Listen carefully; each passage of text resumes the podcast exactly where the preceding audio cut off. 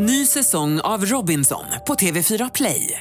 Hetta, storm, hunger. Det har hela tiden varit en kamp. Nu är det blod och tårar. Fan händer just nu. Det. är Detta är inte okej. Robinson 2024, nu fucking kör vi! Streama söndag på TV4 Play. Vart tar alla vackra flickor vägen? Och var kommer alla fula lea kärringar ifrån? Det är slutet av augusti och jag säger eh, hej Ann Heberlein. Eh, Då säger jag hej till Anna-Karin Wyndhamn. Ja, tack för ämnet där. Det är Ja. många som glömmer det, men du, gör, du är icke en av dem. Nej, och du säger inte Heberlein, utan Heberlein. Ja, det är mycket viktigt. precis. Jag har förstått att folk blir ofta kränkta om man uttalar deras namn fel. Och kan säga att det händer mig väldigt ofta. Men jag är en mycket god eh, och överseende människa. Eh, Ja, så, jag med. Så jag, jag jag klarar Jag- detta.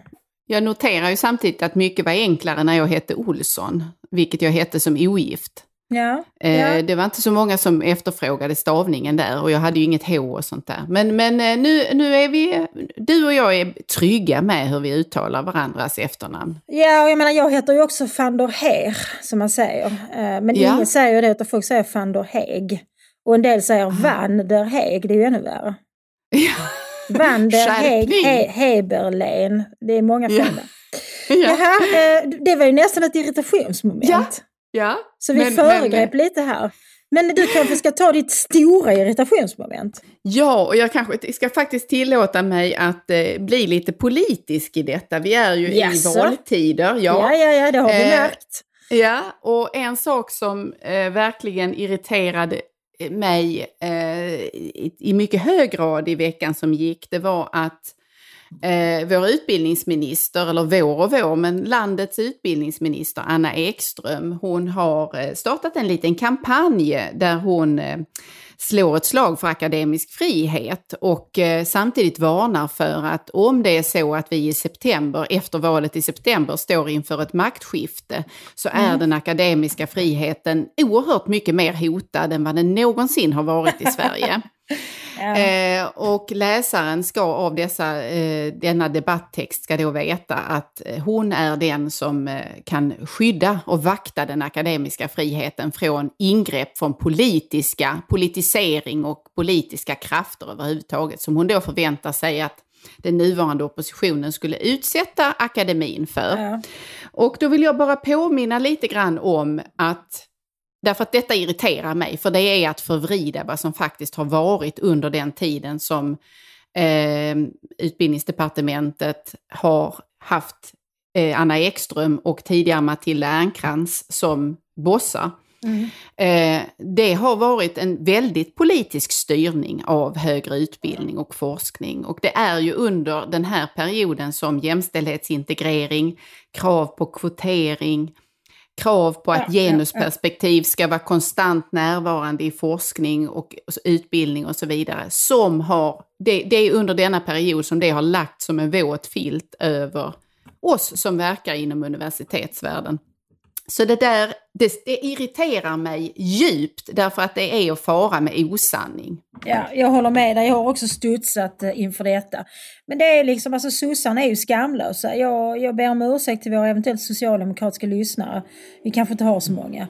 Eh, Men alltså dessa, denna ohederlighet Ja, som. Socialdemokraterna ägnar sig åt gör mig helt matt. Alltså det är väldigt svårt Mm. att och liksom vinna mot något som ljuger obehindrat. För vi ser ju, tyvärr får man säga att Socialdemokraterna är inte ensamma om det i denna valrörelse. Vi Nej. ser det på lite olika håll och kanter, lite, lite, lite fantasifulla tolkningar av siffror och förhållanden och av vad andra har sagt och inte sagt och så vidare. Och, det är väldigt tröttsamt. Och jag tror att det leder till ett galopperande politikerförakt. Faktiskt. Ja, det, precis. Och eh, jag tycker också att det, är en, det finns en sån nonchalans i detta och en sån maktfullkomlighet som, som söker mig. Oberoende av vilken färg den politiker har som ägnar sig åt detta så är det någonting som, som verkligen liksom väcker irritation och ilska hos mig. Men i detta fallet är det Anna Ekström som har eh, under veckan som har gått som har visat ett mycket dåligt prov på just det. Mm. Ja, jag, jag delar den irritationen så jag, jag, jag har inte ens något att säga för jag bara tycker Nej, att det- du, du, har, det- du har rätt. ja, tack. Det är så Och hon har fel.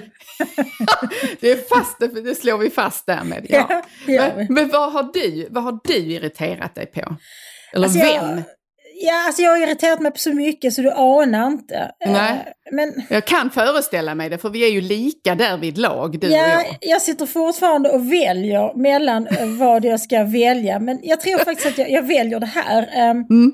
Ett torftigt språkbruk. Det irriterar Ja. jag mig ofta på. Och nu, Mm. jag har liksom gått in i något sorts projekt här nu för att, för att liksom, eh, vad ska man säga, eh, för att mota en annalkande Weltschmerz. Eh, någon slags Ja. eh, annalkande depression och, eh, och eh, total uppgivenhet inför sakernas tillstånd. Och detta innebär bland annat att jag, jag ransonerar lite min nyhetskonsumtion. Jag läser Mm. inte allt som skrivs som till exempel skottdådet på Emporia. Jag vet Nej. inte hur många gängskottlossningar som har skett sista veckan för jag orkar inte ta in det. Liksom. Mm. Ehm, och jag har också slutat att titta på eh, kriminalserier och deckare och annat som jag annars har varit stor konsument av. Vi har sett mycket true crime och sånt. Det har jag slutat med. Mm. Så då har jag börjat titta på en annan typ av program, lite så mysiga program. Så jag har sett alla säsonger av Mästerkocken och av Hela Sverige bakar och så vidare. Ja. Och nu har jag då- då gett mig i kast med eh, ett program som heter Det sitter i väggarna. Som är ah, ett... det är eh, SVT, va? Eller? jag tror det är SVT, Mm. men det är ett väldigt puttrigt och trivsamt program. Där liksom det är då typ ofta ett ganska ungt par som har köpt ett gammalt hus långt åt helvete någonstans. Och sen så kommer det dit två personer. En väldigt söt och chic eh, norrländska tror hon är. Och sen så en manlig, eh, någon slags antikvarie. Som då ska berätta för dem om husets historia och som ska göra något så trevligt sådär. Eh, Mm. Och då så är det ju jättespännande när han den här eh, eh, arkivariemänniskan kommer och berättar att ja, eh, det var faktiskt så att det var eh, Uls, eh, Jöns Olsson som byggde detta hus och han hade Ja. så många och så vidare. Ja. Det är liksom stående inslag då. Och Ja. då sitter då det här eh, väldigt liksom eh, trevliga paret som är mycket intresserade av hus och så responderar de på hans långa utläggningar med två ord. Omväxlande Ja, okej och oj. Alltså det är så, så, så här liksom, ja, Jöns Olsson byggde det, okej. Han hade tre fruar, okej. Oj! Eh, och sen dog han. Okej. Alltså jag, jag bara liksom, sluta säga okej för helvete. Det finns väl andra ord i det svenska språket. Vad förvånande att ingen, men det kanske är en sån här tight produktion, där de måste ta på första klippet, Ja. de gör inte om, för man tänker sig annars att inslagsproducenten eller den som är bossen på inspelningen skulle säga eh, hur skulle det kännas för dig om du istället som svar på den här intressanta uppgiften säger det var som tusan. Exakt, för att jag, jag Ja. tänkte komma med lite alternativa ord här för att Ja. jag har suttit och räknat hur många okej de säger i ett avsnitt och det är över ett dussin kan jag säga. Ja. Så jag säger så, man kan också säga minsann. Man kan Mm. säga ser man på. Mm. Jaha, Se där. se där. Jaså. Alltså det finns en mängd trevliga, fina, äktsvenska uttryck som kan Ja. ersätta detta torftiga och idiotiska Ja. okej. Man Bortsett från detta också- så tycker jag det är ett trevligt program, det vill jag ha sagt. Men, men skärpning där. Säg något Ja, annat man, okej. man kan ju också tänka mer avancerad ordföljd och innehåll. Detta förvånar mig. Man kan dra till med mer än ett ord. Detta, det var förbryllande. Det var ju rent häpnadsväckande. Så intressant. Ja. Verkligen spännande. Jag känner hur marken under mig gungar när Ja, jag får precis. reda på detta. Ja. Ja men det finns ju massvis med, med, med finfina alternativ här. Ja. Och, och detta, tyvärr det här okejandet, det är ju inte förbehållet bara just det här tv-programmet utan detta är ju en sjuka som har spridit sig i vårt samhälle. Jag, Ja. jag blir mycket irriterad när politiker säger okej. Och det är ännu värre när de säger så här, detta är inte okej. Ja men för Nej, helvete. Det, är, eh, ja. för det är-. Nej. Ja, det, sägs, eh, det sägs ofta också i sammanhang där händelsen som inte är okej verkligen inte står i proportion till, Till den ordet torftighet. Nej, Ja, precis. precis. Sen är Mm. väl i sig begreppet oacceptabelt är väl lite slitet nu för det har ju inte betytt så jävla mycket när politiker har sagt att saker är oacceptabla. Ja, men jag har en fundering där för att om det är så att detta att politikers eh, språkbruk blir allt torftigare och att vi ser en repetition, återanvändning av den typen av förenklande vardags, nästan eh, liksom, ja, vardagsspråk Det är väldigt som är vardagliga uttryck. Ja, om det kommer sig av detta, den här nervösa ständiga publiceringen på Instagram och Facebook och andra sociala medier där det ska vara en kommentar på, alltså om någon har deltagit i en debatt eller liknande, så vill de gärna själv sen kommentera sig själva där eller kommentera en händelse. Och då hinns det inte, skri det hinns inte med att skriva ett, eh, tre eller tio meningar som verkligen är tajta och välformulerade och nyanserade eller varierade. Utan det blir det här. eh, Jag bara gör en markering att jag inte tycker det är okej att köra med en lastbil in i en, eh, ett, varuhus eller Nej, vad det nu är som har hänt. Det är verkligen inte okej. det, är, det är barockt att använda Ja. begreppet inte okej. sån- Jag tror att du delvis har rätt. Jag tror att en annan förklaring är den här förkättrade folkligheten som vi har pratat om tidigare. Mm. Jag gillar inte när politiker är folkliga. Jag är så jävla trött på att se politiker stå och kränga korv nu. De äter fruktansvärda mängder korv i valrörelser. Detta kommer att bli ett folkhälsoproblem tror jag. Ja, det är det. Alltså, jag alltså- såg faktiskt en, en, en bildserie, en bildsvit som Johan Persson hade lagt upp. Tre bilder var det faktiskt på hur han åt eh, eh, chicken nuggets eller något liknande. Och då frågar jag mig, är tre bilder verkligen nödvändiga för att dokumentera detta? Hade det kanske räckt med en? Hade det inte behövts någon? Jag tror det senare. Ja, jag håller med dig. Men jag tror att det är samma grej. Man vill visa, titta så vanlig jag är. Jag som är vanlig människa som äter chicken nuggets. Jag går minsann på McDonalds. Eh, Ja. Och jag är en vanlig människa som säger om terrordåd att det är inte okej. För Mm. om jag säger något mer avancerat eller kanske citerar Hanna Arendt eller någon. Då verkar jag liksom fisförnäm. Då verkar jag som Mm. om jag lite för mer. Jag kommer ihåg när, när, när jag var, var barn och ung på typ 80-talet. Då sa ju folk ofta så här liksom. Ja, det, man förstår inte vad politiker säger. Och liksom, jag tror, Ja. alltså, det är väl ytterst få människor idag som inte förstår vad politiker säger. Därför det de säger är liksom så sjukligt banalt och förenklat. De pratar ju som om de pratar till barn. Mm. Ja, de precis. föreställer sig att människor är dumma i huvudet helt enkelt. Och, och jag menar, därvidlag har de väl delvis rätt får man väl säga. Men, men, men alla är ju inte lika korkade. Så vi är nog några som klarar av att dechiffrera eh, lite liksom starkare och mer spirituella fraser än inte okej. skulle jag Ja, precis. Höj ribban, variera er. Eh, och eh, skär ner på antalet okej. Ja, och kor- korvarna också. Skär också ner på korvarna. Ja, och sluta upp med att hyckla. Det, det gäller också, det gäller samtliga politiker, apropå min irritation. Vi tror inte på att ni gillar korv. Vi tror att ni egentligen äter ostron hela tiden. Erkänn. Ja, exakt. har blivit en madam med skunk bak och fram. Men du och jag ska ju bli rejält folkliga idag, tänker Ja, jag. i vårt- herregud vad det Ja. folkligt idag. Ja, vi ska ju till Dalarna. Ja. Mm. Jag, det blir lite så lyteskomik när vi ska försöka härma. Jag kan inte, men du, det lät ändå lite bra när du sa det. Dalarna. Ja. Men vi kan väl också säga som reservation här inledningsvis att det här programmet, det här samtalet, det kan innehålla spår av generaliseringar. Och fördomar.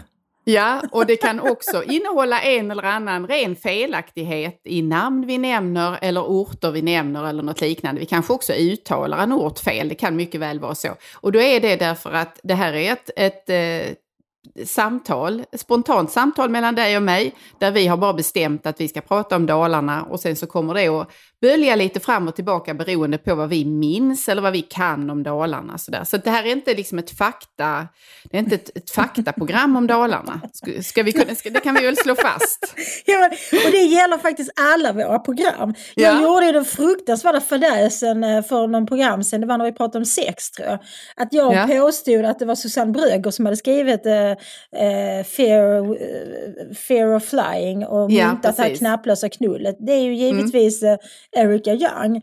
Eh, och det var ju många som ville påpeka det. Och jag säger samma sak där. Jag ber om ursäkt för denna fadäs.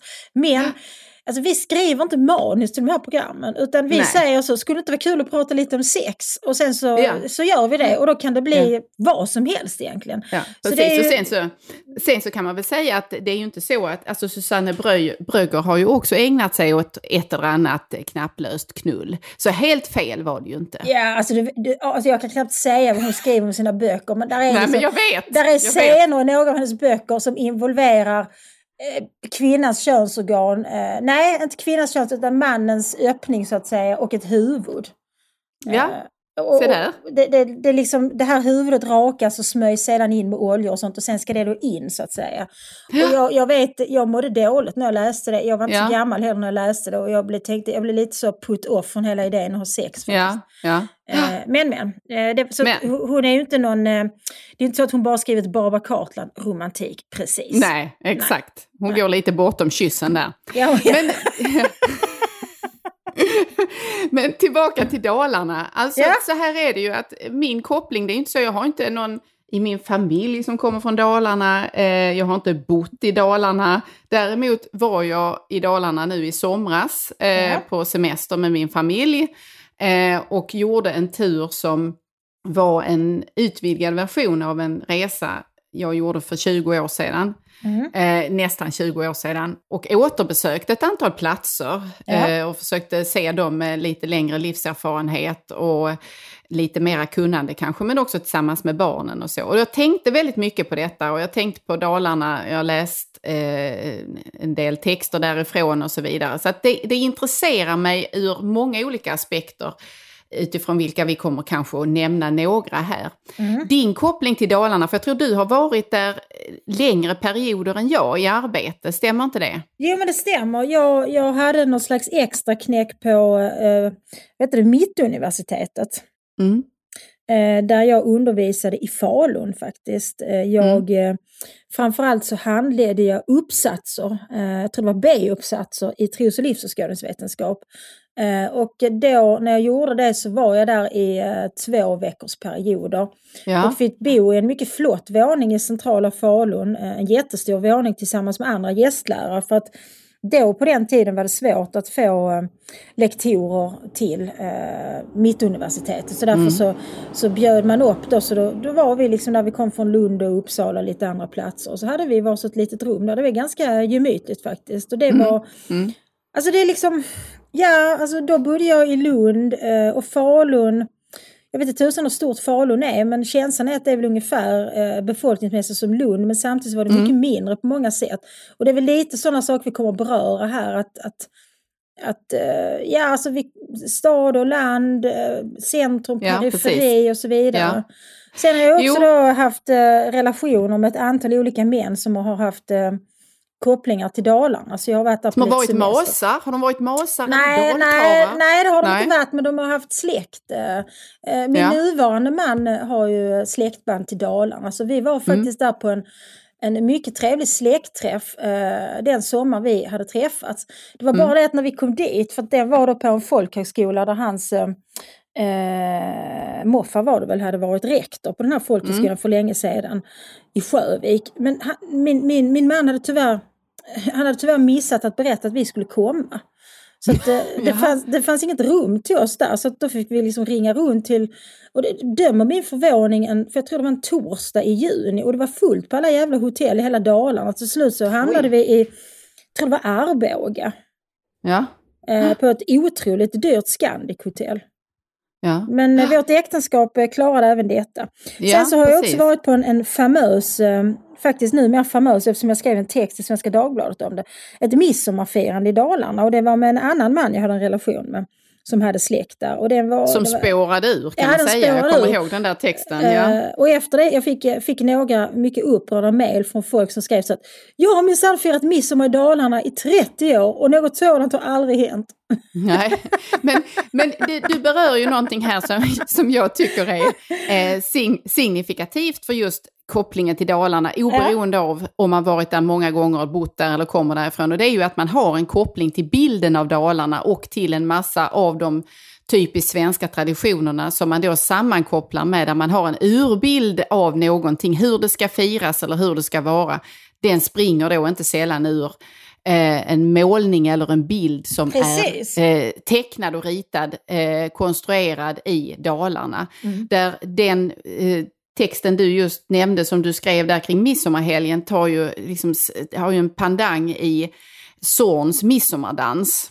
Exakt, Eh, exakt. Och, och där vår bild av hur en, den genuina midsommarafton ska te sig och se ut färgmässigt eh, i, i, liksom i lust och i rörelse springer ur dessa bilder och ur det urdalska då på något sätt. Mm. Och det tycker jag är, det, det, är så intressant det där med hur Carl Larsson verkade ju också i Dalarna och eh, jag menar där har vi ju hela inrednings den, alltså den det som är typiskt svenskt inredningsmässigt i färgsättningar och i det nordiska ligger ju väldigt nära det som han skapar där. Så att vi är ju liksom någonstans i Dalarna, även om vi inte är där, i fråga om, ide, inte ideal i livet, men däremot någon slags stilideal och högtidsideal och så. Ja men alltså Dalarna är på något sätt liksom svenskhetens vagga, kan man säga så? Att väldigt ja, mycket men... av det som jag tror att vi tänker som Sverige, det är egentligen mm. Dalarna. Och det är ju som du, det är ju Carl Larsson naturligtvis och det är Zorn och så vidare. Och det hela liksom det estetiska ideal som som Carl Larsson, eller framförallt Karin Larsson skulle jag tro, skapade ja, på Sundborn som, mm. som är någon slags, eh, jag tror det är någon slags idealbild av ett sommarhus egentligen. Med pelargonerna, ja. de rutiga dukarna, glasverandan, eh, liksom eh, kaffe under Färgspelet. Björka. Ja, mm. precis. Mm. Färgerna. Mm. Eh, så, så att, eh, Naturen ständigt närvarande. För det ja. är ju också en del av det som vi då liksom ser som det ursvenska, att man är i naturen. Nakenbaden i insjön och det är väl i och ja. Zorn för det mesta. Och de här ljushyllta kullorna eh, ja. och så vidare folkdräkterna, ja alltihopa. Det är väldigt ja. svenskt. Men där sätter du fingret tycker jag på, på en, en kärnpunkt i detta. Därför att någonting som slog mig när jag läste boken Saknad av Cecilia Garme och Katarina Barling. Ja. I den skildras eh, den handlar ju om hur Sverige har förändrats sedan mm. de stora migrationspolitiska åtagandena vi har gjort och hur framförallt landsbygden har förändrats utifrån detta. Men där tar de delvis utgångspunkt i någonting som hette Snillepanget och som låg i Smedjebacken. Mm. Alldeles precis i, i liksom när man kör söderifrån och kommer in i Dalarna, då kommer ja. man till Smedjebacken. Och detta snillepang, pang är då eh, förkortning för pensionat för er som ja, inte vet det. det. Ja. Eh, det var en herrgård som omvandlades till pensionat. Och till detta kom under eh, 30-talet och sen under ett par decennier framöver, tror jag det var, eh, flera av tidens intellektuella. Flera mm. av dem som var ledamöter i Svenska Akademin åkte dit och tog in på pensionatet.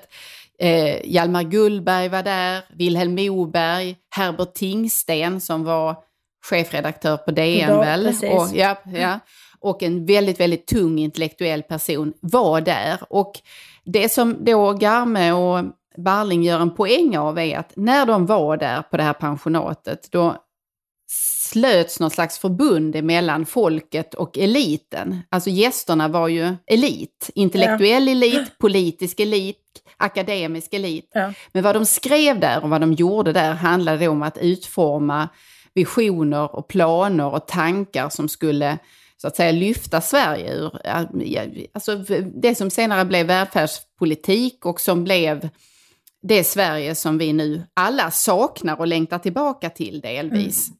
Och det där tycker jag är en sån intressant bild för att det här att man närmar sig folket, att man skrev för folket och tänkte för folket.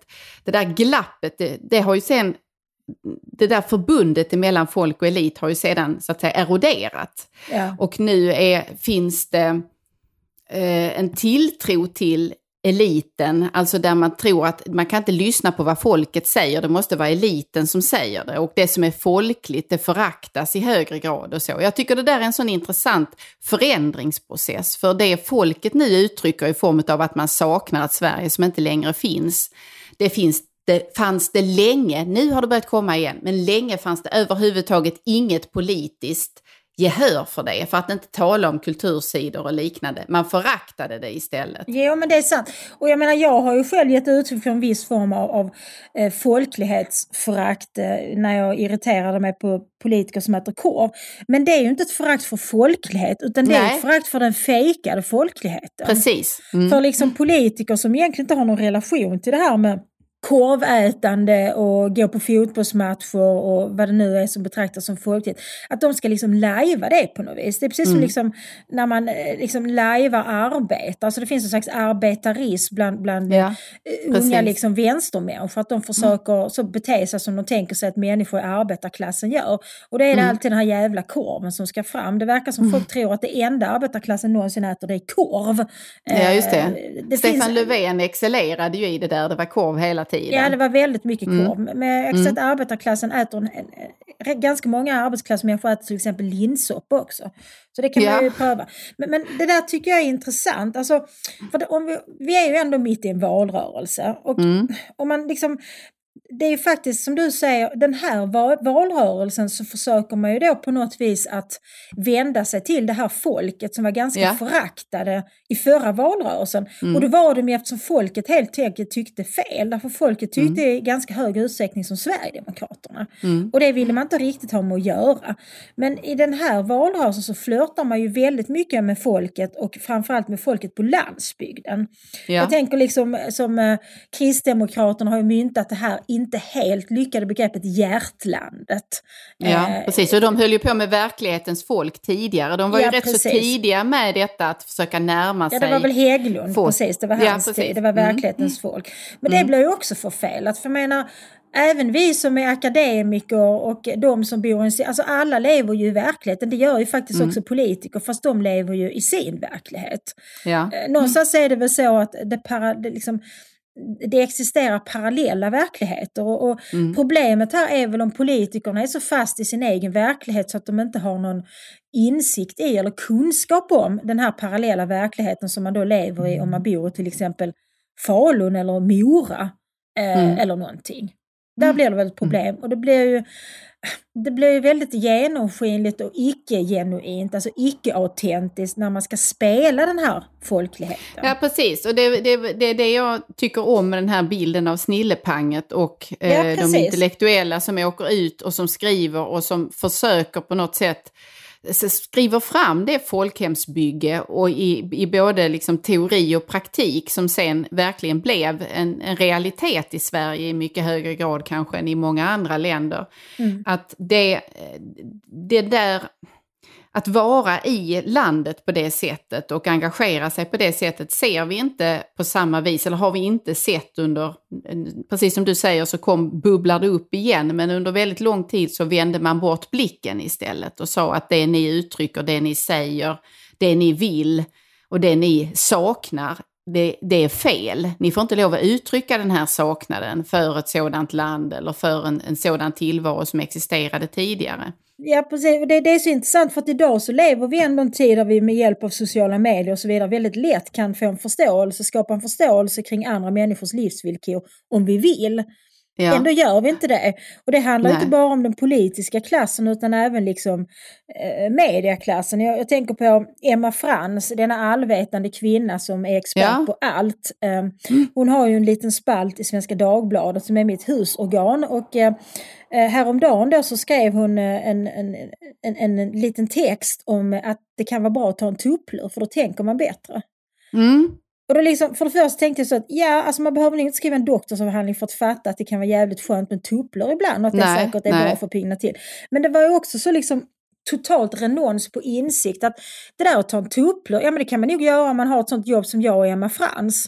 Eh, Mm. Men du kan inte göra det om du är förskollärare eller om du är Nej. busschaufför eller om du är Nej. undersköterska. Alltså, väldigt många människor i det här landet har ingen som helst möjlighet att ha en tupplur på jobbet som hon mycket käckt rekommenderade. Ja. Och det är liksom så typiskt för de här bubblorna som vi lever i. Att människor orkar inte ens försöka se utöver sin egen snäva horisont. Och det blir faktiskt till slut rent parodiskt. Och när det gäller det här, liksom, det som, som, som du säger, alltså föraktet för vad, för vad vanligt folk så att säga drömmer om, alltså trygghet, något välbekant, så tycker jag att vi faktiskt ser det delvis i debatten fortfarande. Då tänker jag på diskussionen om de helt liksom orimliga kostnaderna för bensin och diesel och för elektricitet vi har. Där liksom människor på ett totalt liksom verklighetsfrämmande och oempatiskt sätt kan skriva ja men det är väl bara att ta på sig en extra tröja. Eller man kan faktiskt cykla. Nej, om du bor i Borrby och jobbar i Malmö som jag, då kan man faktiskt inte cykla. Man kan inte det. Nej. Nej. Man kan Och det med viss möda nej. åka kollektivt och det gör jag. Men det hade varit jävligt mycket bekvämare att köra bil. Och för många Precis. som bor utanför en liten ort som Bobby så är det helt omöjligt att åka kollektivt. Ny säsong av Robinson på TV4 Play. Hetta, storm, hunger. Det har hela tiden varit en kamp. Nu är det blod och tårar. Fan händer just nu. Det. Detta är inte okej. Robinson 2024, nu fucking kör vi! Streama söndag på TV4 Play. Ett poddtips från Podplay. I podden Något Kaiko garanterar östgötarna Brutti och jag, Davva, dig en stor dos skratt. Där följer jag pladask för köttätandet igen. Man är lite som en jävla vampyr. Man har fått lite blodsmak och då måste man ha mer. Udda spaningar, fängslande anekdoter och en och annan arg rant. Jag måste ha mitt kaffe på morgonen för annars är jag ingen trevlig människa. Då är du ingen trevlig människa, punkt. Något Kaiko, hör du på Podplay. Därför är gardinerna. Midjan så smal Så ack royal Precis detta blir man ju också varse då när man kör igenom Dalarna. Eh, och eh, ett, exempelvis som Ja. jag gjorde hamnade mitt i Classic Car Week i Rättvik. Oh. Ja, det var väldigt, det var ju exotiskt att vara med om detta. Jag var dock inte, jag kände mig he- dock inte helt som en nybörjare för att eftersom jag kommer från Skåne och eh, nordvästra Skåne så har jag ju varit med om Vallåkraträffen. Eh, dit man kommer för att också burna lite i... Eh, burna. Burna? I, ja, man burnar. Man börnar, på, på skånska Ja. börnar man. Ja, men alltså, jag, har faktiskt, jag har faktiskt sett bilder på dig från den där Rättvik. Vad var det? Rättvik? Nej, vad var det? Ja, exakt. Classic Ja. Car Week i Alltså jag Rättvik. tyckte att du smälte in ganska bra. Fast du Ja, såg, jag- jag du såg ja. elegant ut i din, liksom, du hade en midjekort, var det en skinn eller en jeansjacka? Jeansjacka, ja, Ja, precis. precis. Och så ditt fluffiga hår och så. Du såg, du såg cool ut. Men det roliga är ju att då se, inte roligt men intressant att, att tänka på eh, hur mycket av den eh, samtidsdiskussionen som handlar om hur man ska välja bort bilen. Ja. Och att det är fult att sitta i bilen, det är fult att använda bilen. Och sen då konfronteras med denna kärlek till bilen, denna stolthet över bilen. Och inte bara för dem då som satt eh, mer eller mindre berusade, hoppeligen bara på passagerarsätet, men ändå och körde karavaner eh, eller cruisade igenom Rättvik. Utan också att det, man gick man ur huse för att titta på detta. Och det fanns en sån liksom, nästan karnevalliknande stämning i lilla Rättvik över detta. Och den eh, euforin som detta gav, den händelse detta var där, det finns ett sånt glapp emellan att, att se det och förstå det, förstå vad det springer ur och vad Ja. det gör och vilken betydelse det har, kontra då de här förnumstiga råden om vad man ska göra och hur man bör tycka och hur man bör vara. Eh, som gör att jag tänker att det, det, det som du sa tidigare, engage, det ny, nymornade engagemanget för landsbygden, det, det, det ekar ju liksom, klingar ju falskt genom att man i väldigt liten grad tycks förstå hur livet de facto gestaltar sig där och vad det är som så att säga är de här fasta punkterna som man orienterar året efter eller tillvaron efter. Ja, man förstår inte. Alltså bilen symboliserar här ju friheten naturligtvis. Ja, precis. Alltså det är en Precis. möjlighet att ta sig någonstans, det är en möjlighet att bli någon. Mm. Eh, vi letar för övrigt efter sponsorer, så om Motormännens riksorganisation lyssnar så kan ni skicka ett, ett erbjudande sen. Nej, Jag kan alltså, tänka mig att burna någonting någonstans. det kan jag också göra. Fan vi kan börja. Nej, men alltså, bilen är ju på landsbygden som ju Dalarna onekligen är. Eh, Den är en frihetssymbol. Jag, menar, Mm. jag vet inte hur mycket epatraktorer det finns i Dalarna men på Österlen där jag bor så till viss förtret måste jag säga för det är aldrig roligt att hamna bakom en, en eh, epatraktor. Men de här ombyggda gamla Volvobilarna är mycket populära bland ungdomen här ute. Och det är väl liksom Mm. den känslan för att bor man på landsbygden som många i Dalarna gör så är man ju beroende av sina föräldrar i väldigt hög utsträckning för att Ja. komma någonstans. Och då måste det vara en oerhörd frihetskänsla att skaffa den här första epatraktorn när man är 16 Precis. år. Mm. För att kunna Jo, göra eh, saker som ens föräldrar inte känner till. Nej, exakt. Men jag tänker också på jämförelse med, det, eller det slog mig när jag stod där och försökte smälta in eh, på bästa tänkbara sätt.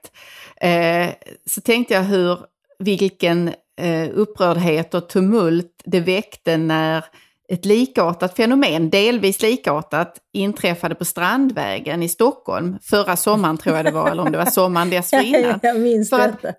ja, eh, och, och hur platsen spelar roll för vilket slags då bilbeteende man ser som okej och leg- nu förlåt, nu sa jag okej, legitimt. Ja. eh, eh, och, och, och vad det så att säga då är acceptabelt och inte. För att där var det ju den här vackra, liksom burgna miljön, Strandvägen, där fick inte den typen av bilbeteende det, det fick inte komma in dit. Jag, jag tycker inte heller att det skulle vara där. Det är inte det, för det är inte det som är min poäng här, utan mer bara att det är den här, jag är ute lite efter att det jag upplevde där är som att man sätter någon slags ostkupa över eh, en, en stad eller en miljö eller en region och det som sker där runt omkring, det, det kommer inte in, det påverkar inte och inte heller de som är utanför förstår det eller kan komma, förstår du vad jag menar? Att det, är Ja, ja, liksom, det precis, blir men två jag- former av slutenhet. Exakt, jag, jag tänker, tänker på en av mina favoritteoretiker, nämligen Mary Douglas. Jag har citerat henne innan, men liksom just att smuts, det är helt enkelt saker på fel plats. Mm. Och det, det är ju det här en illustration till att när den här bilkaravanen förflyttar sig från Rättvik till, eh, till Strandvägen så blir det plötsligt opassande och fel. Eller hur? Mm. Och det är Ja. liksom samma om vi, om vi går från bilar till nakenhet. Så liksom, Ja, Dalarna är ju faktiskt också förknippat med nakenhet, eller hur? Mm. Alltså jag Ja. tänker på de här kullorna och jag tänker, alltså nu kan jag vara ute och cykla och då kommer folk att mejla mig. Men Raskenstam, utspelar den sig i Dalarna? Eh, det är möjligt att han är där, men han utspelar sig nog delvis i Stockholm Ja, det också. har Det är inte i. så att du, du, du kanske blandar ihop det med att han som spelar Raskensam är ju också den som spelar Zorn i en filmatisering Ja, men det är av... precis, det är det jag blandar Ja. för jag tänker på Ja. de här nakenbadarscenerna. Ja, precis. Som Han är liksom- Gunnar Hellström. Han valde ju att spela, det tycker jag är så roligt, Gunnar Hellström. Han säger, "Vad- vem, vilken svensk skulle jag kunna gestalta? Jag vill ha någon som låg med många kvinnor, helst nakna hela tiden. Ja, men, men liksom, det är liksom det, det lustiga med nakenheten i Dalarnas famn, så att säga, det, den blir liksom inte provokativ på det sättet. Nej, Utan det finns ett nej. romantiskt skimmer över det här nakenbadandet och de här yppiga kullorna så. Eh, Men sen Ja. så har vi ju såklart också, vi kan inte prata om Dalarna utan att prata om fäbodstintan. Nej, precis. Det, det är ju en, en klassisk... Eh, ja. Ja. den, har ju, den kategoriseras ju som en porrfilm, men jag skulle säga att den är ju inte, det är ju inte någon grov porr direkt. Den är ju ganska försiktig ändå. Men där, där, den är, det är ju i, i Dalarna, är det i Orsa kanske till och med, som den... Eh, Det kan ju vara i de trakterna. Men det, det, för att det profiterar ju på den bild av Dalarna som finns. Så det finns ju andra filmer, till exempel den här. Har du sett den här eh, alltså, fruktansvärda amerikanska, det är någon slags skräckfilm som heter Midsummer? nej, Det, det det, har jag inte. det, det, Alltså är det porr? Nej, det är nej, inte. det är inte porr, utan det är Nej. skräck. Och det är så intressant för det är då liksom eh, det är ett, ett ungt amerikanskt par som, eh, hon är ganska ovillig först, eh, kvinnan i förhållandet, men pojkvännen övertalar henne att åka till Sverige för att fira midsommar, denna otroligt mystiska högtid. Och så kommer de då till Dalarna där det hela utspelar sig. Det är nu tyvärr inspelat i Tjeckien eller Polen eller något sånt, men det ska i alla fall föreställa Dalarna.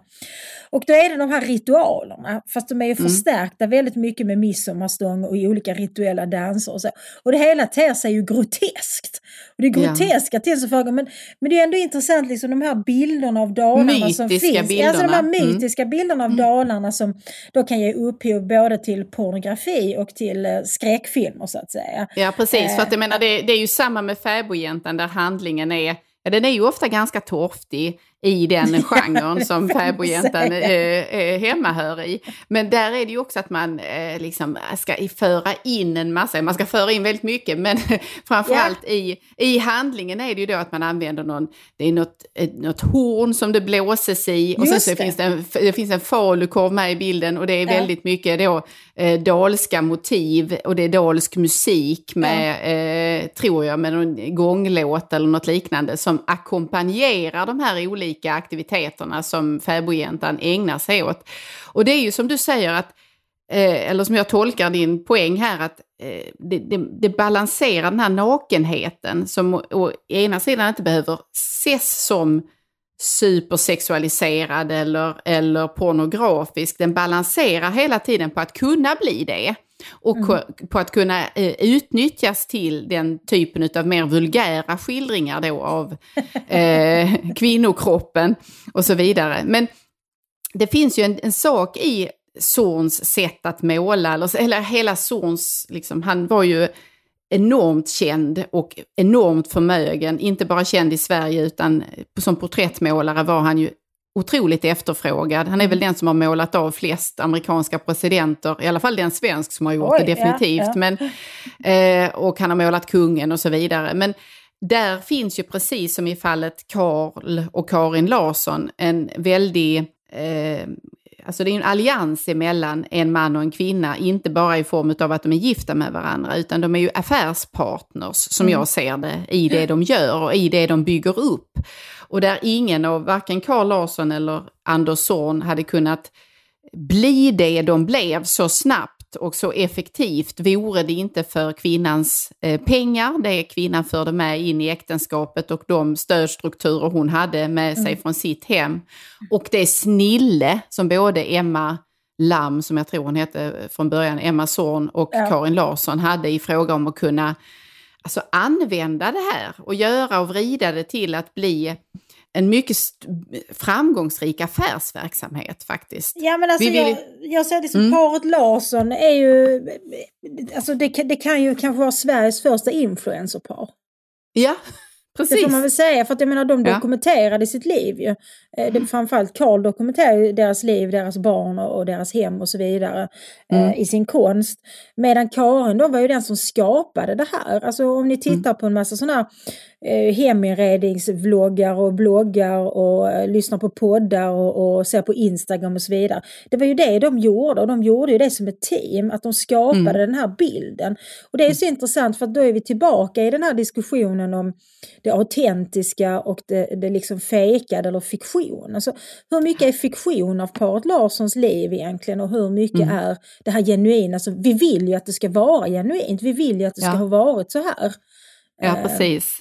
Jo, och att det var ett lyckligt liv som utspelade sig där, samtidigt som vi då i efterhand ju vet och förstår att Karin Larssons konstnärskap inte blommade ut för egen maskin, utan det nådde betraktaren endast via de eh, målningar som hennes man gjorde. Och sen så försökte hon sig på att eh, få sålt och få produktion på de tyger hon gjorde och det hon skapade med sina händer.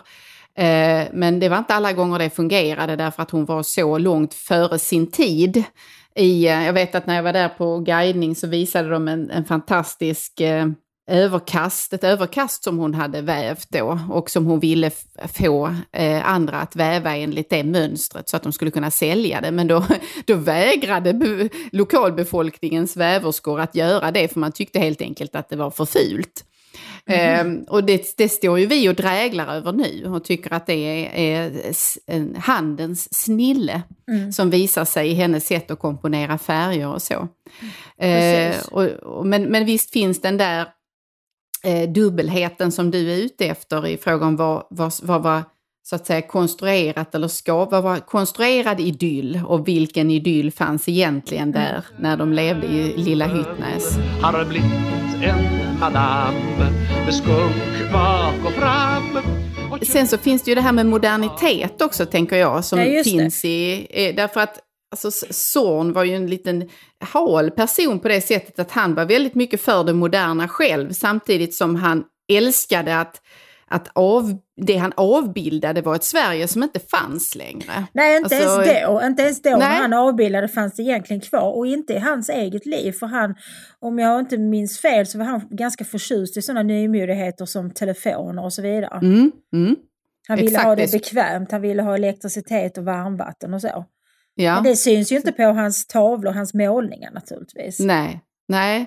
Och det där är ju, det tycker jag är så eh, intressant att fundera kring just det där med hur man, alltså eh, hur man skapar ett Sverige eller skapar, man liksom cementerar en bild av Sverige och vad det var och en stämning kopplat till detta som kanske egentligen aldrig riktigt har funnits. För att de som han avmålade då eh, och porträtterade i, när de fiskade eller la ut sina nät eller vad det nu kan ha varit eller när de satt vid någon backstuga eller någonting sånt där.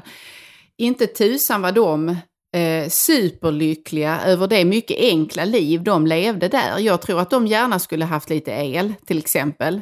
Eller fått eh, varmt vatten indraget i stugan istället för att behöva gå och bära och släpa på det. Så där ligger ju liksom en konflikt emellan att vi betraktar detta och drömmer oss tillbaka till det. Men i, i, i levande livet när man inte har något annat att välja på så är det kanske mest slit och släp och nöd. Ja, men det, för det där har vi varit inne på i tidigare diskussioner också faktiskt. Det här att, att när människor som då inte har haft pengar och som har levt det här enkla livet som man kanske utifrån sett kan se med väldigt romantiskt skimmer att det är enkelt och torftigt och fattigt mm. men det är lyckligt och harmoniskt och sådär liksom. När de då mm. väl får pengar, alltså som när arbetarklassen närmar sig medelklass, jag menar i Sverige idag så är det vi i princip liksom, de flesta är ju medelklass, ja då mm. vill de fel saker, alltså för då vill de mm. ha liksom resor till Thailand och köpa en platt-tv. Ja. så att de liksom, då, då drömmer de om, då har de vulgära drömmar. Ja, nej, det, du säger, ja, och du säger ju detta med liksom en blinkning. Alltså, ja, det är inte ja, så vi, tycker, vi, vi, tycker inte att det är vulgärt. Jag tycker nej. inte det är vulgärt att begära detta. Men det, det, det, det avfärdas ju gärna så därför vi vill då tro att istället ska det vara det är någonting, det är det där åh vad roligt att bo i en liten stuga utan rinnande vatten och så vidare. Bara nej, det, alltså nej, det är ändå fint att ha eh, finesser i köket. Ja, det är ganska det... trevligt med, med vatten, även varmt vatten. Men det kan bli en lyx framöver eh, om elen fortsätter att rusa i taket så här. Jag kan säga, jag måste bara säga detta, ja. för att berätta synd det om mig som bor i Skåne, kanske lika illa i Göteborg. Men idag kostar ja, en, dusch, en dusch idag kostar 48 kronor.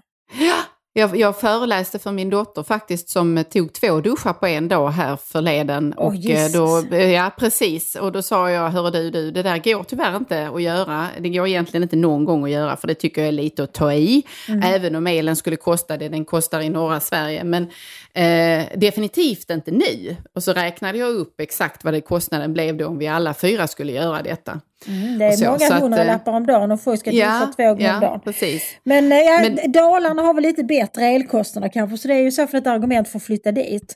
Jag skulle kunna ja. tänka mig att bo på en sån här fäbod, jag tycker det verkar trevligt. Ja, skulle du bli en liten fäbodstinta där, fäbodjänta? Ja, jag skulle gå och blåsa med ett horn och se vad som hände.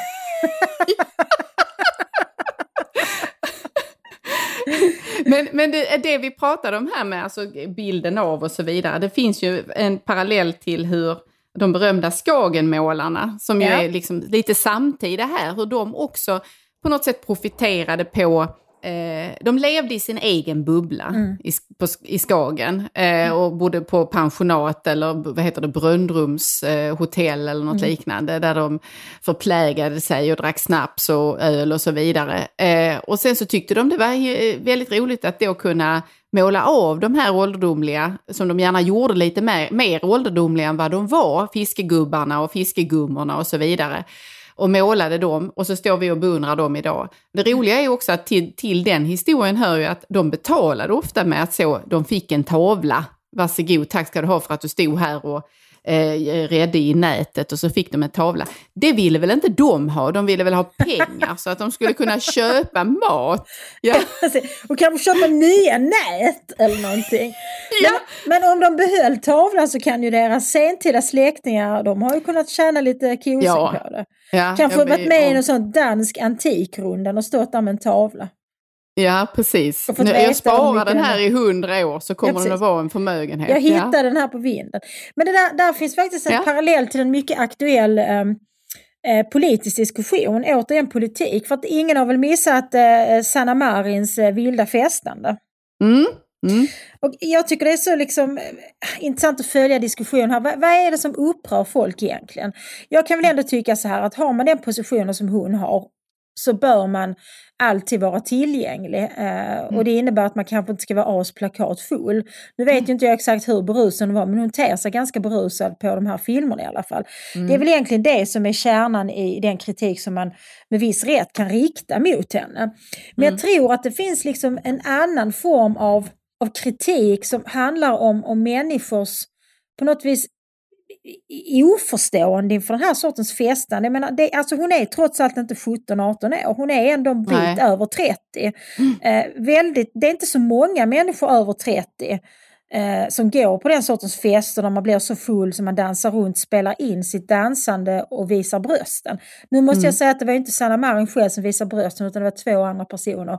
Och framförallt gör man ju inte det då i, eh, jag vet nu det här eh, villan, hon bor i något ståtligt palats av något slag. Ja, Ja. eh, jag, Alltså motsvarigheten till, Ja. till Sagerska typ Ja. i Sverige. Så och det är ju samma där liksom att, att den verklighet som hon lever i, som ska representera finska folket, jag tror den skiljer sig väldigt mycket från hur många andra finnar lever. Mm. Eh, och att det kanske också liksom blir en nagel i ögat på folk. Att det blir lite Mm. som Skagenmålarna som, som eh, inte vad man har förstått i efterhand så var det rätt mycket svineri där också. Det var mycket liksom Ja. eh, fylla och partnerbyte och jag vet inte allt. Som ju Ja. skilde sig väldigt mycket från lokalbefolkningen säkert ganska eh, återhållsamma liv där de inte hade så mycket möjligheter att, eh, att festa loss på det sättet. Och de Nej, kanske precis. Man kan föreställa Ja, man föreställer sig en strängare moral så.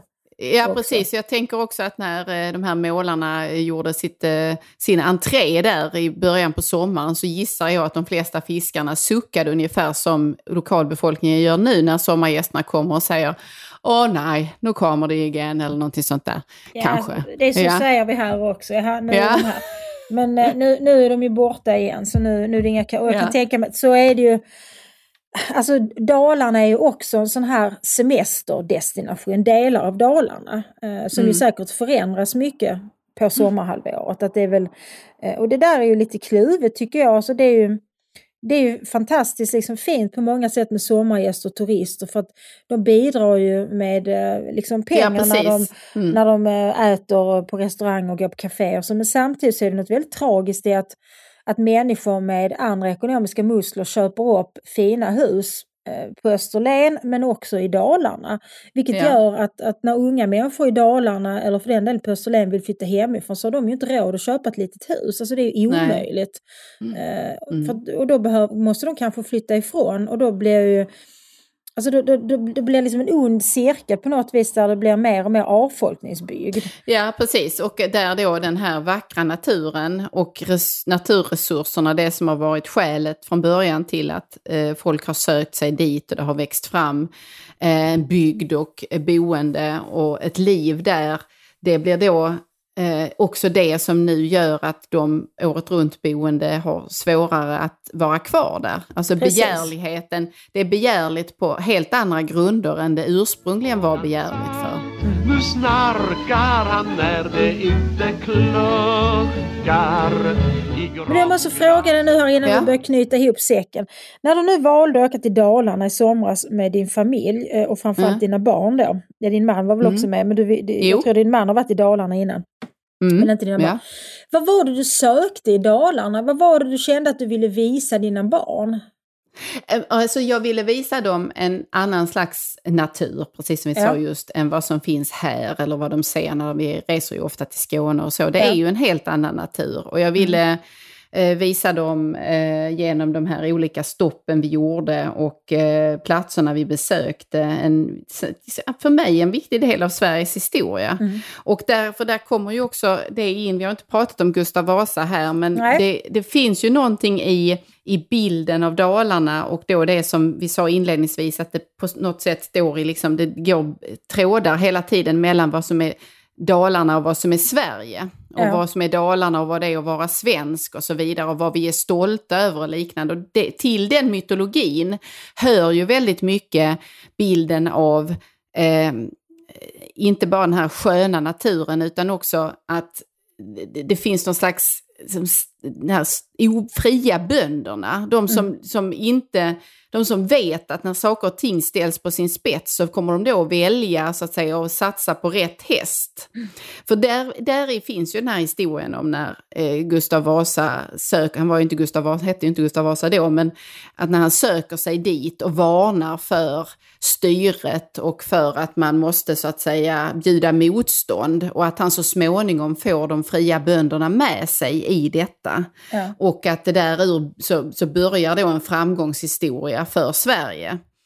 Eh, och jag tänker att det, den bilden är ju då en, en, en eh, grund för att man tror på den här klokskapen hos den fria bonden. Eh, och att man kommer att stå upp om man väl ställs på prov någon gång. Det tycker jag, jag tycker det är så intressant att den, den, är en så, den är så framgångsrikt etablerad och så till den grad att den sannolikt i sig också har sanning, inte Ja. bara myt. Mm. Men, men där finns ju en likhet mellan Skåne och Dalarna, tänker jag. Att man ser både skåningarna och eh, dalkarlarna då som, som okuvliga, alltså som väldigt Ja. stolta. Det, det är liksom stolta folkslag, om man kan kalla det så, eh, som inte böjer sig för överheten, som inte Ja. låter sig liksom eh, eh, på något vis kollras bort, utan som vet vad de vill och som står upp för detta och som är kloka och rådiga och sådär. Sen tycker jag, Ja. alltså det som, som jag tycker är väldigt intressant med Dalarna också, det är ju den här väldigt levande kulturen. Och Mm. just och att den är så levande tror jag hänger ihop med just den här stoltheten över att man faktiskt kommer från Dalarna. Att man har en folkdräkt och man, man, man, man vårdar och värnar liksom den eh, fantastiska spelmanstradition som finns där och, eh, och så vidare. Och det tycker jag är spännande att man har behållit det arvet så levande. Ja, precis. Och för att, eh, det märkliga är ju att eh, när vi har pendlat här i samtalet så har vi talat om som storheten i det förflutna och då den typen av, utav nästintill förakt som ibland kan yttras från den så kallade eliten idag då, eller i, i, i vår tid. Men där när man eh, reser där och åker tillbaka i tiden och ser vilket centrum som en gång har funnits här av just då intellektuella, då pratar jag inte om det där snillepanget bara, utan när Carl Larsson och Zorn eh, levde och verkade där och det gick i någon slags skytteltrafik från andra centralorter i Sverige så reste man upp till Dalarna och var där och verkade och skrev där.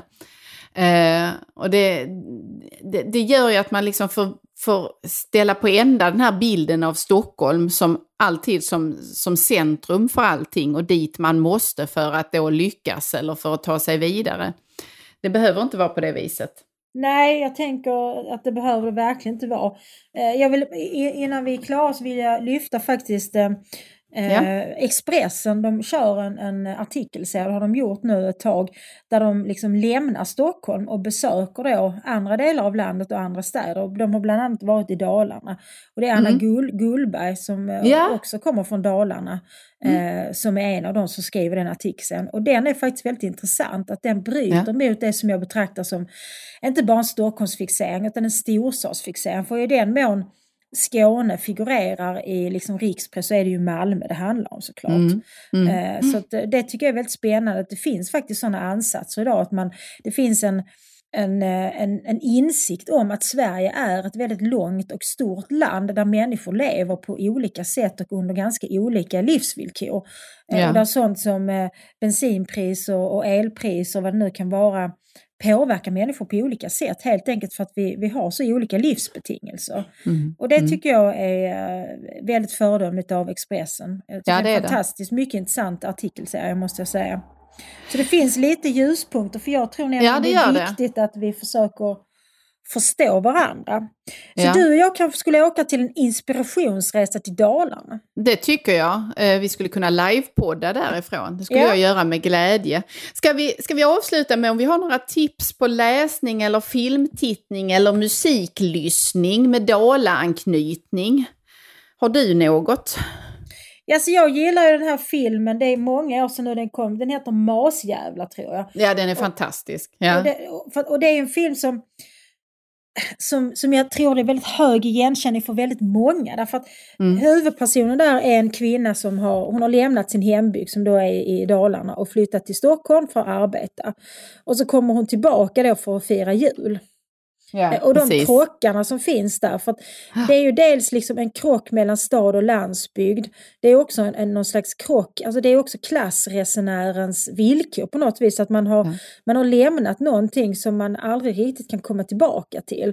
Och man både längtar efter det sammanhanget och känner liksom kanske lite smått eh, förakt eller uppgivenhet inför det. Mm, mm. Eh, och det, är liksom, ja, men det är en film om hemvändare. Och det är en ju- väldigt fin film. Och Ja, den, det den, det, ja. den, den, den tar ju också upp vilket, vilka offer den som stannar kvar har gjort. Ja, eh, och som stannar kvar och tar mer ansvar för, eh, föräldrahemmet och åldrade föräldrar och liknande. Och det, är inte så, det, det, det kräver en viss form av skicklighet för att skildra de där olika liksom, vägarna i livet med samma värme oberoende av vilket perspektiv man tar.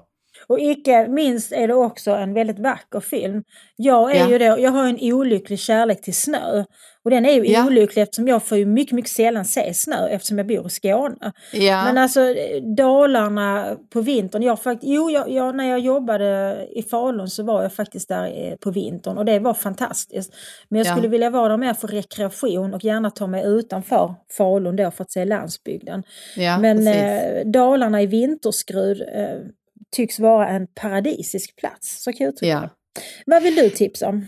Jo, jag vill tipsa om eh, att man kanske tar och läser den gamla Erik Axel Karlfeldts Ja. dikter. Eh, han, han skrev ju så otroligt mycket, men ha- han skapade ju bland annat den här Fridolin. Som var en, ett alter ego på något sätt för Erik Axel Karlfeldt själv. Där han både var det här bondska, bondsonen, men han var också den som hade studerat och blivit eh, lärd. Eh, och det är ju den här frasen med att eh, Fridolin han kunde ta- tala med bönder på bönders Ja, vis som en lärde på latin. Ja. Och eh, den är kanske utsliten den där frasen eller det där citatet men jag gillar det likväl därför att det finns ingen skiktning i detta från Karlfeldts sida i att det ena skulle vara finare eller bättre än det andra. Utan den som behärskar både och har någonting som är mycket värdefullt och som man ska liksom vara, vara rädd om och inte förslösa på att låta sig sugas upp i och bara bli den där kultur, eh, fina kulturmänniskan eller vad det är. Det, att, att ha kvar sin förmåga att tala med alla, det, det är guld värt. Så jag tycker man kan, eh, man kan läsa honom. Man kan också läsa Werner Aspenström som kommer från Dalarna. Eh, och eh, hans dikt om eh, gossen Gråsten som väl är en hyllning till precis den typen av människor som också masjävlar handlar om. Ja. De som stannar kvar, de som kämpar och som nöjer sig och har, har förtröstan i det. Eh, så det är två tips från mig på daladiktare eller dalaförfattare som är värda att läsa om och om igen. Absolut, och då vill jag också tillägga att det där med att tala med lärde på latin och med bönder på bönders sätt, det räcker inte att äta en korv för att tala med bönder på bönders vis. Det kräver lite mer. Sannerligen inte. Det är mer att man, då gör man en charad eller man gör en, liksom en parodi på folklighet. Inte som- ens om det är en falukorv. Den som man stoppar upp den Nej. som fäbodstintan så blir man precis. särskilt folklig. Nej, det, det känns ofolkligt faktiskt. Det känns ovanligt måste jag säga. Men eh, ja, både Karlfeldt och Aspenström, absolut. Det rekommenderar Ja. vi starkt. Ja, och det kan vi, vi har dem som ideal lite grann det där att i söndagsskolan förena det folkliga och det, det lärda på, på, efter bästa förmåga, Skulle, jag. skulle du säga att du är folklig, Anna-Karin? Eh, det vet jag inte. Jag, alltså, i, ja, I vissa avseenden är jag nog det. Jag tror att jag är lite folklig i en del av min musiksmak. Eh, jag är, kan vara folklig vad jag finner, för, eh, finner nöjsamt att titta på tv-mässigt och liknande. Så ja, det är, det är jag nog. I viss mån. Jag hoppas att jag är lite folklig. Mer folklig än, eh, än att jag äter korv med bröd ibland. Jag tycker att det är en förtjusande mix av folklig och Är intellektuell. du folklig? Ja, men du är folklig. Du svär väldigt folkligt och fint tycker jag. Det vill jag ge en, en eloge för. Ja, min, min folklighet tar sig framförallt uttryck i mina svordomar och att jag pratar mycket bred skånska. Det är också väldigt folkligt. Ja, precis. Men eh, det här folket återkommer nästa söndag. Ja, det gör vi. Vi hörs nästa söndag hörni. Ha det fint och var folkliga med stil och finess. Hej då! Hej då! Tar alla vackra former vägen? Och var kommer alla hakorna på makorna ifrån? Ny säsong av Robinson på TV4 Play. Hetta, storm, hunger. Det har hela tiden varit en kamp. Nu är det blod och tårar. Fan händer just nu. Det. är Detta är inte okej. Robinson 2024, nu fucking kör vi! Streama söndag på TV4 Play.